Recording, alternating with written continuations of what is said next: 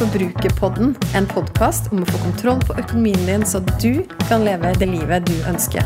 Jeg heter Kjersti Grønseth, er trebarnsmor og økonom, og er kanskje aller best kjent som forbrukerfrue. La oss snakke litt om forbruk, for alt starter med det.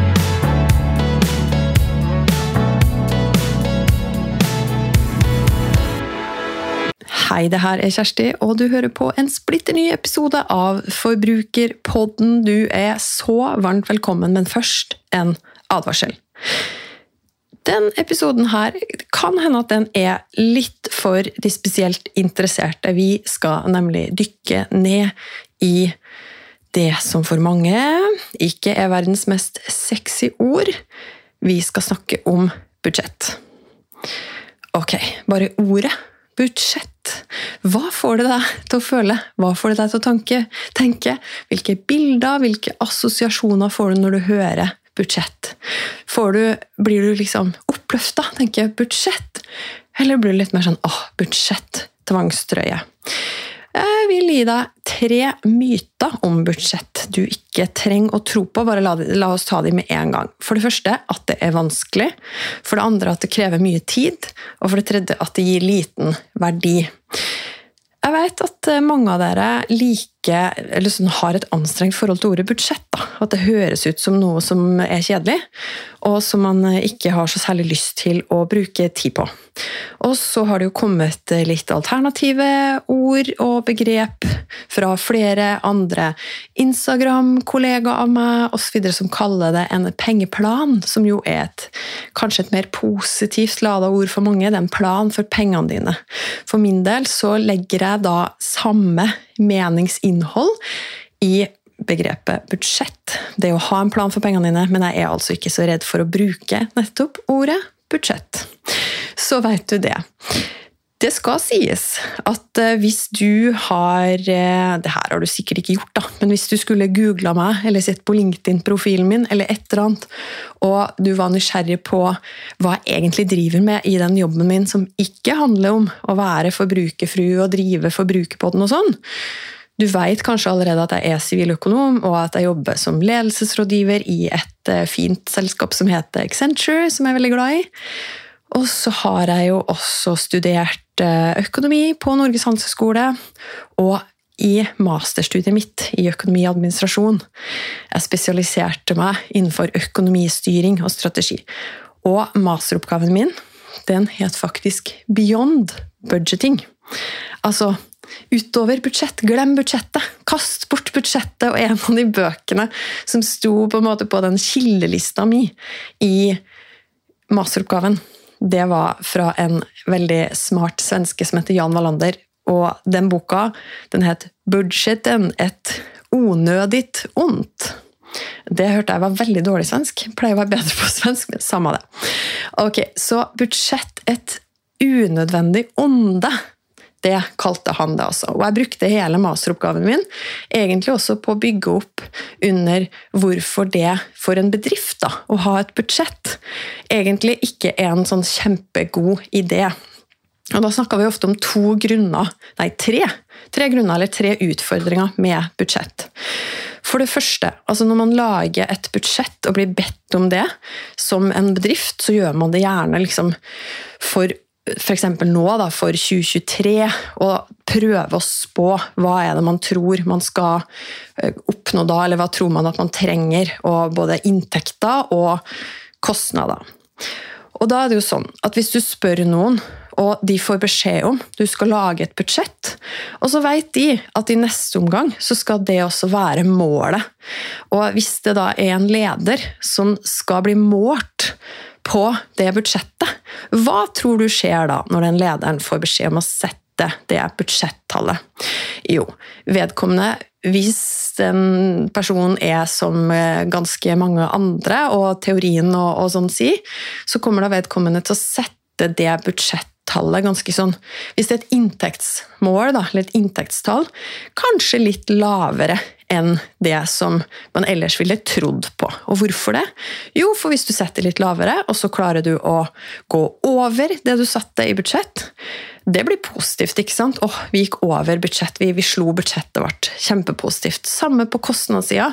Da vil du kanskje legge, inn litt ekstra og tenke at ok, hvis jeg nå setter målet mitt på å bruke penger der, og blir målt på det, og så vet jeg at egentlig så var ikke behovet mitt så stort Nå karikerer jeg det litt, altså. Men så er det da ganske naturlig å tenke seg at den lederen vil sette det kostnadstallet litt for høyt. Og så, hvis du samtidig, så skal det jo egentlig budsjettet ditt skal jo være noe du tror på, noe realistisk. Men som det eksempelet viser, da, med at du samtidig skal bli målt på det, så blir det en konflikt. ikke sant? For at du tør kanskje ikke helt å være helt realistisk. Kanskje også budsjettet ditt en søknad om penger, f.eks. i offentlig sektor. Hvordan hvordan kan du da være helt, helt, helt realistisk og ærlig med det du faktisk tror at du trenger av penger, hvis du samtidig vet at det er kanskje det, den måten du da får tildelt budsjettet ditt. Og det er nettopp utfordring nummer tre med budsjett. At det også, samtidig som det skal være et mål, det skal være realistisk, så skal det også fordele penger. Hvis det er sånn i den bedriften. Igjen, advarsel, det her kan hende det er litt snevert for deg. Jeg veit ikke hvilken situasjon du er i. Kanskje kjenner du deg igjen til og med i de her problemstillingene fra din jobb eller andre settinger. Men det er for en bedrift. Og hva er løsningen? Hva er det å gå beyond budgeting? Det er jo da å droppe budsjettet, og så heller ha tydelige mål i stedet. Og da snakker man f.eks. om at hvordan du kan istedenfor sette sånn Jeg tror jeg kommer til å tjene det i inntekt, eller jeg tror jeg kommer til å ha det i kostnad, så kan man koble det. For at Hvis du satte et inntektsmål og når budsjettet ditt tidlig i året, da, så har du egentlig ikke noen sånn motivasjon og insentiv for å, for å, jobbe på videre. Hvis du er den her lederen som tenker på at åh, vi skal, trenger jo ikke å levere maks liksom, nødvendigvis hvis du allerede har nådd budsjettet. Henger du med? Så, men hvis du setter et mål i stedet, som handler om at du skal koble inntekter og utgifter, så, så har du, og så har du et mål om at du skal skape så mye verdi som mulig. Da, kanskje. Og så har du også lov til å bli ikke straffa for å gjøre og, og, bruke mer penger, hvis det at du bruker mer penger, faktisk fører til at du tjener mer penger i andre enden. Sånn at Da snakker man jo gjerne om å sette mål, og man kan jo dra det helt langt og si at ok, vi setter bare en, en visjon. Vi Ok, vi vet at vi skal dit. Vi skal være ledende innenfor vårt marked. Eller vi skal ha verdens mest fornøyde kunder, og det måler vi sånn her.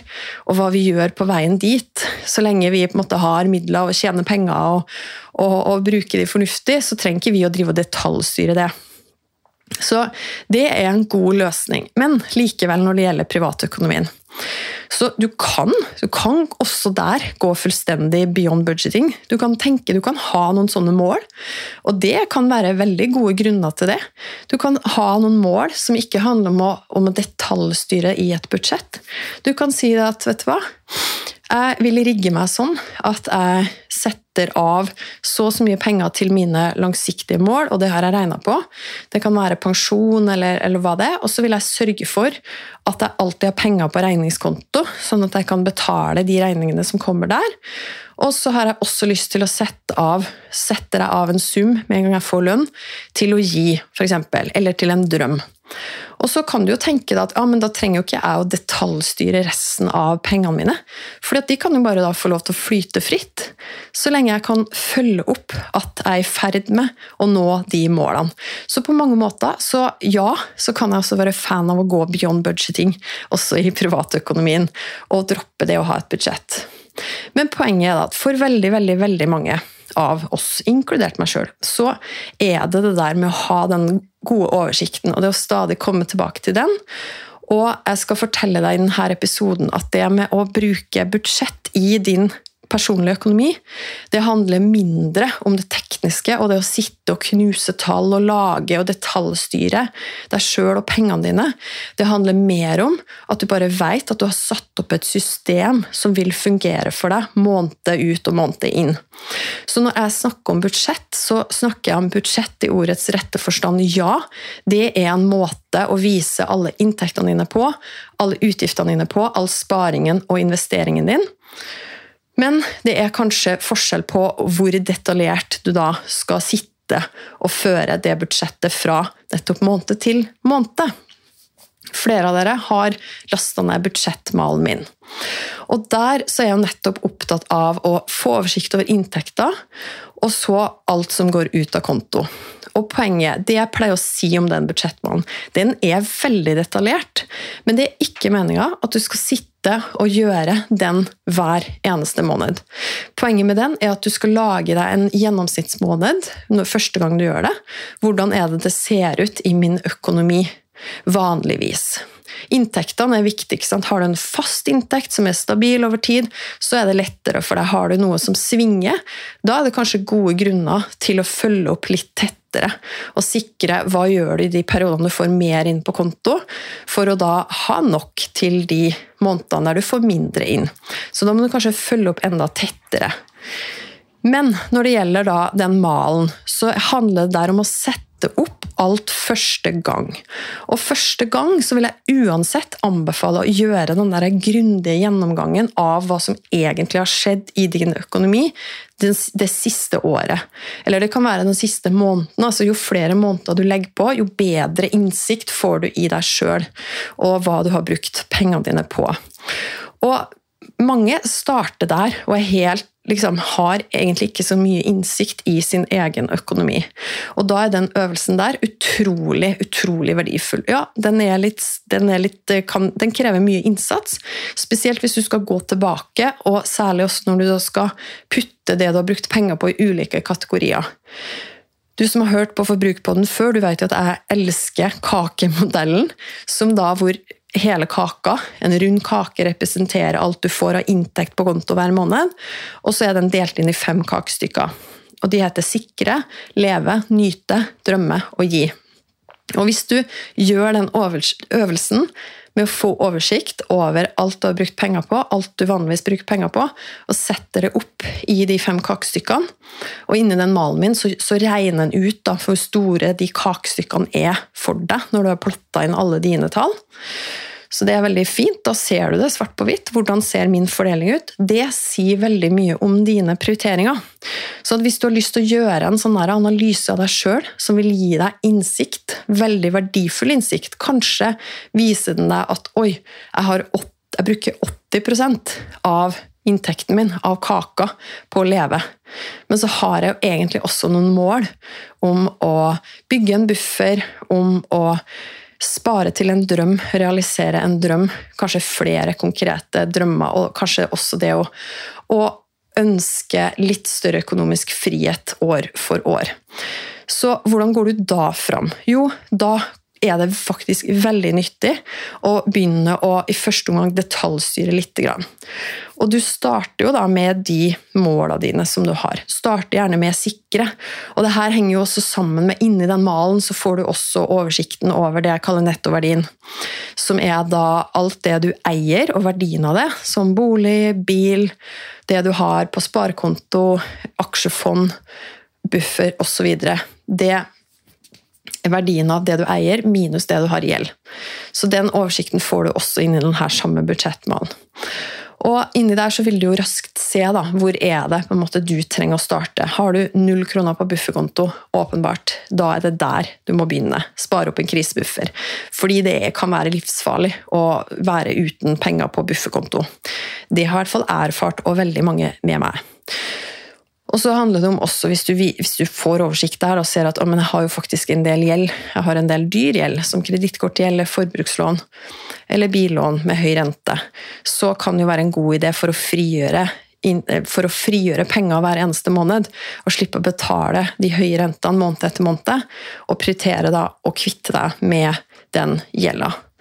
Og så vil du jo se der, i, i den samme malen, så vil du også se belåningsgraden din på boliglånet, du som har bolig og boliglån.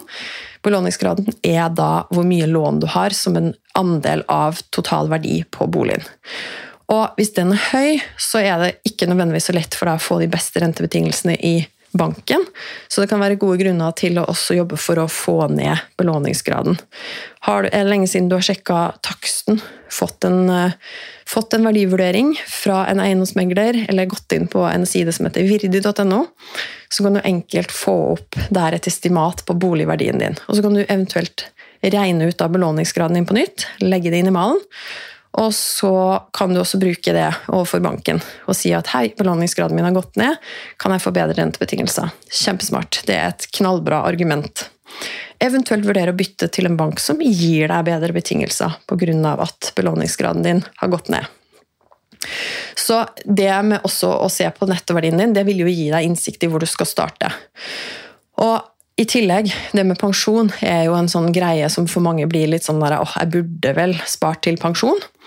Og så syns jeg at fokuset de siste åra har jo vært veldig sånn å, vi må spare i pensjon, vi må begynne så tidlig som mulig, og særlig vi kvinner, fordi at vi lever lengre, og, og hva, hvem vet hva som skjer med pensjonsalder og pensjonsordningene, og ja, det er mange gode grunner til å ta på alvor det med pensjon. Men så syns jeg kanskje at det har vært litt sånn hypa, da, hvis jeg skal være litt ærlig på det. At, det har, at man snakker man glemmer kanskje å snakke om også de grepa som du bør ta først. Det er én ting, med buffer og, og betale gjeld og sånn. Kanskje man glemmer litt det i den hypen med at jeg må bare komme i gang med å, å spare til pensjon. Men så er, mange, så, så er det kanskje også mange som snakker om at ja, men ta de stegene her først, men likevel så er det jo ikke sånn at det er et riktig at fasiten for alle er at å, du må bare komme i gang, og det kan nesten høres ut som man bare skal spare så mye som mulig for, til pensjon. Jeg mener at det, det, viktigste er faktisk å skaffe deg kunnskap der også, innsikt i dine egne tall. Det finnes jo gode ressurser på det, pensjonskalkulatorer, f.eks. nav.no, eller du kan søke og google Nav din pensjon, så vil du få opp en kalkulator der du kan gå inn og få et estimat. Og så er det jo litt sånn tricky, for da skal du sammenligne det du da får fra Nav eller folketrygden og arbeidsgiver. Og så skal du gjerne sammenligne det med ja, men hva vil det si, hvor mye utgjør det? For du får et tall før skatt, ikke sant? og så skal du da sammenligne med ok, men hvor mye trenger jeg egentlig? Mest sannsynlig når du skal slutte å jobbe, så trenger du kanskje ikke full bruttoinntekt før skatt, sånn som du har i dag. Så det kan være litt vanskelig å vurdere hva er riktig nivå for min del. Men en tommefingerregel kan jo være at hvis du har boliglån og har et mål om å ha det boliglånet nedbetalt til du skal slutte å jobbe. Og la oss si at det boliglånet det utgjør 20 av, eh, av eh, inntekten din i dag, eller 10-15. Det kan du regne ut ved hjelp av malen. Hvor mye betaler du i rente og avdrag i dag? Så er jo det da at du, da trenger du egentlig 20% mindre å leve for. Ikke sant? I, eh, når du da skal Når du da blir pensjonist eller slutter å jobbe. Så det kan jo være noen sånne ting som du kan tenke på. Men så, så, så, er jeg også, for å snu på det, altså grunnen til at det er viktig å ta stilling til det med pensjon, er at jeg har også snakka med folk som er, har, nylig har blitt pensjonister, og som har fått seg en, en reell overraskelse da, at jeg trodde jo ikke det var så lite. Og så sa, Det var ei som skrev til meg, og så sa hun at å, skulle ønske du også kunne snakka litt om hvordan man skal klare seg på så mye lavere inntekt når man blir pensjonist. Og så spurte jeg ok, hva, hva er det du syns er mest utfordrende. Er det å dekke levekostnadene dine? Er det, hva er det for noe? Og da, Det svaret der det overraska meg faktisk litt, for det viste seg at den personen her hadde jo ganske sånne dyre, det jeg ville kalt da dyre hobbyer. Altså ønska å og nå husker jeg ikke helt hva det var for noe engang, men det var forskjellige typer idretter som jeg vet at oi, men, Og det innebar også noe reising og sånn, at det, det, koster jo litt penger. Og det er klart det, at hvis du kunne forutsett at åh, det var jo sånne ting du ville ønske å drive med når du ikke lenger skulle jobbe, da har du kanskje funnet din motivasjon da, til å sette av litt mer litt tidligere til nettopp pensjonsalder. Men jeg tror du må finne, du må finne dine tall, og så må du finne nettopp din motivasjon for å sette av det beløpet som du skal sette av. Og det du kan gjøre, er at du kan teste deg fram med noen sånne sparekalkulatorer. Det kan du også bare søke på i nettleseren din. Sparekalkulator eller hvor mye vokser et sparebeløp til? Det er en smart fyr som heter Rune Pedersen heter blant, som driver en, eh, et nettsted som heter Smarte penger. Det er en sparekalkulator som jeg ofte bruker. Du kan google hva vokser et sparebeløp til.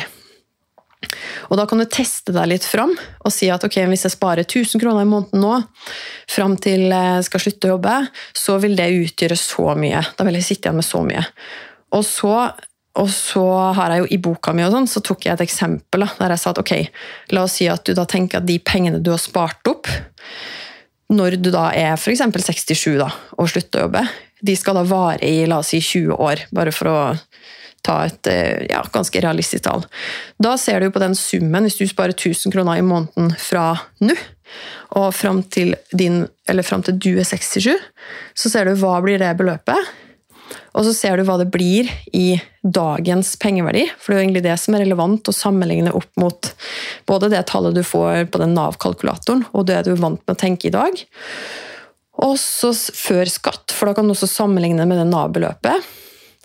Og så tenker du at det da skal vare i 20 år, så du deler det på 20. Da får du jo hvor mye du har i året. Og så kan du jo legge det da sammen med det beløpet som den Nav-kalkulatoren sa. Og så har du da totalt hvor mye du kommer til å ha før skatt. da. Og så kan jo det være sånn cirka, cirka hva du da tror at det er lurt å spare.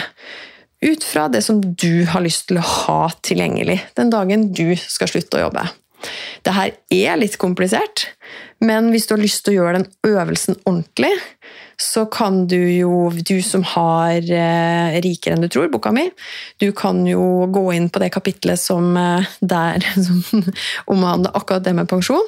Eller så kan du også sende meg en mail, det er jo flere av dere som har gjort det før, og si at åh, jeg har lyst til å, lyst til å finne ut av det med, med pensjon, så kan vi se på det sammen. Ok, Så det var jo litt de langsiktige, sikre måla, kanskje. Og hva gjør du da når du har funnet ut at du skal spare den tusenlappen til pensjonen, eller hva du finner ut? Jo, da setter du jo det inn i malen og sier at det skal du sette av til pensjonssparing. Det skal du sette av i den sikre bolken. Og Det betyr at hvis du ikke har vært vant til å sette av de 1000 kronene per nå, så må du enten øke inntekten din på magisk vis med 1000 kroner, eller så må du finne et sted i det øvrige budsjettet ditt å kutte. Og det er jo der jeg liker så godt den malen, og spesielt første gang du skal sette opp det her og bestemme deg for noen langsiktige mål, for da ser du så godt sammenhengen. Helt sånn fordi at malen er satt sammen med formler og sånn. Så ser du da at ok, men jeg må jo faktisk hente de pengene fra et sted, for at budsjettet mitt kan jo ikke gå i minus 1000. Så da må jeg finne pengene, og mest sannsynlig så finner du det i levekostnadene dine. Og nå skal jeg ikke gå inn på alle kategoriene der, det kan du gjøre. Du kan, du kan eh, du, det du kan gjøre, er at du kan laste ned malen, som jeg legger ut link til i eh, episodebeskrivelsen. Der legger jeg ut link til hvor du kan laste ned den budsjettmalen hvis du også ønsker det. Så det er noe av det fine med den budsjettmalen når du setter den opp for første gang. At du nettopp kan legge inn hva er målene dine, og så ser du så tydelig hva er det du må justere på. Og sånn som jeg pleier å gjøre det, med min oversikt, der jeg bruker den samme oversikten Så hver gang som vi, og jeg bruker den sammen med mannen min, så hver gang vi har en endring i inntekt, eller vi har endring i utgifter, så går jeg inn der og ikke ikke måned for måned, for det trenger vi ikke, for alt er satt opp. Og alt er også satt opp med automatiske overføringer i nettbanken, det jeg kaller kontofest. Og hvis du laster ned den malen, så får du også en fane inni den hvor det står kontofest, hvor du kan legge inn dine datoer og planlegge det. Sånn at alt du gjør da i neste steg, er bare å ta utgangspunkt i malen, og så legge inn faste overføringer i nettbanken. Og voilà! Da har du egentlig satt opp systemet, og du trenger ikke å lage noe detaljert budsjett måned for måned. Så det er det jeg mener med at det er verdt å gjøre den jobben én gang. Og i tillegg å bruke det her som et verktøy da, når du har endringer i inntekt og utgifter. Vi har også personlig brukt det som et verktøy for å gjøre litt sånne simuleringer. Ok, Hva hvis inntekten hadde gått ned sånn? Hvordan hadde det slått ut? Hva måtte vi kutta på? Eller hva hvis vi skulle spart så mye? Eller og så er det jo bare motiverende hvis vi får vite at eh, noen av de faste utgiftene våre går ned av en eller annen grunn. Eller at vi har bestemt oss for at ok, vi skal kutte matbudsjettet. Eller altså, egentlig uansett da, hvilke endringer vi har, som enten kommer litt sånn utafra, sånn 'Å, nå blei det billigere, ja, men da legger vi inn det', Eller innenfra, fra oss, når vi setter oss ned og har økonomidate og ser på ok, men hva er våre mål akkurat nå. Innenfor da sikre, og det kan jo være nyte, hvis vi ønsker å sette av mer penger til, til lommepenger, eller til feiring og gaver. Eller drømme, konkrete drømmesparemål, eller beløp vi ønsker å gi. Så enten når, da, når, det skjer ting, som er enten at vi vet nå at oi, men nå skal vi jo legge inn litt mer i månedlige strømutgifter, fordi at 2021, eh, den vinteren her, har jo vært eh, ganske crazy med tanke på strømpris, og kanskje er det sånn at det vil fortsette også framover. Derfor så legger vi inn litt mer, sett av litt mer til strøm, for å ta et eksempel. Det er jo vi som styrer, da.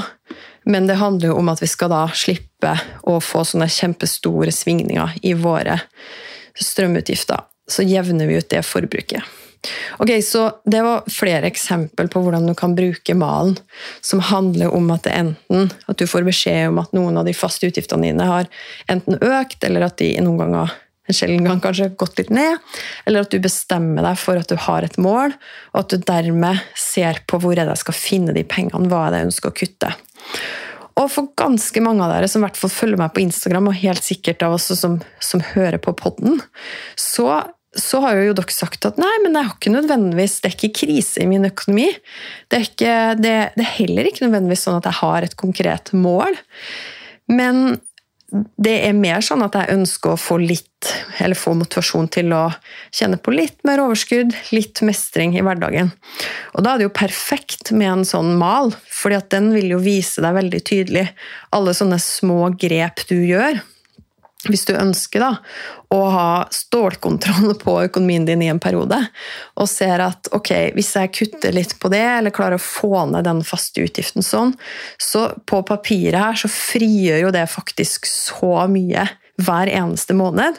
Og så istedenfor at det bare skal gå inn i et sånt stort sluk, så har du fått mestring og sånn over å klare å kutte noen utgifter, f.eks. Men så vil jo den malen også vise deg tydelig at oi, men den 500-lappen eller 1000-lappen som jeg da har klart å kutte, den kan jo jeg nå ta og så sette av til et helt konkret sparemål. Og så gjør du det til en fast overføring. Så blir det ikke bare en sånn engangsgreie som skjedde på inspirasjon. Så der har du fått forhåpentligvis din motivasjon til å sette opp økonomien din i system i et budsjett, nettopp for at du skal kunne bruke så lite tid som mulig på å følge opp. Og budsjettet, sånn som jeg snakker om det her, er et veldig dynamisk verktøy som faktisk hjelper deg å planlegge dine drømmer, planlegge dine mål, fordi du har alt. Det blir så synlig for deg da, at hvis du gjør én endring, ønsker å få til én endring til, så, du, så det, må det få konsekvenser for andre deler av kaka di eller andre deler av budsjettet. Hvis du er på et sted, litt tilbake for å gå full circle her med det med beyond budgeting at Hvis du er der, og du kjenner at nei, til og med det her verktøyet og det faste overføringa sånn, det, det kjentes stress for min del. Jeg vil egentlig bare ha noen ting jeg styrer etter. Jeg vil bare sette av til den langsiktige sparingen min. Jeg vil sette av til en regningskonto, og så vil jeg egentlig bare bruke resten akkurat som jeg vil. Så kan jo det være helt topp. Men så vil jeg oppfordre deg til, hvis det kommer en periode der du enten har behov for å stramme litt inn, eller det kommer en periode der du får et veldig tydelig mål, da er det veldig gode grunner til å sette deg ned med malen og så planlegge det. Gjøre en analyse av deg sjøl først, få den innsikten du trenger, og så sette opp helt konkrete mål for din egen del. Sånn at du da enten kan få kommet deg over på igjen og få mer overskudd, eller at du kan se at det faktisk er mulig for deg å nå et hvilken som helst mål eller en hvilken som helst drøm, bare du bestemmer deg for akkurat det. Så ta med deg det. Last gjerne ned malen. Og så vil jeg bare si at jeg heier på deg, som alltid. Og så vil jeg at du skal gå ut i hverdagen din der du er. Og så vil jeg at du skal bruke pengene dine på det som betyr aller mest for deg. Jeg vil gjerne vite hva du tenker etter å ha hørt episoden. Så koble med meg på Instagram. Der finner du meg som forbrukerfrue. Send meg en melding. Tagg meg gjerne i Story og del episoden her hvis du likte den. Eller send meg spørsmål. Og husk å abonnere på podkasten Forbrukerpodden, så får du beskjed hver gang det kommer en ny episode. Vi høres!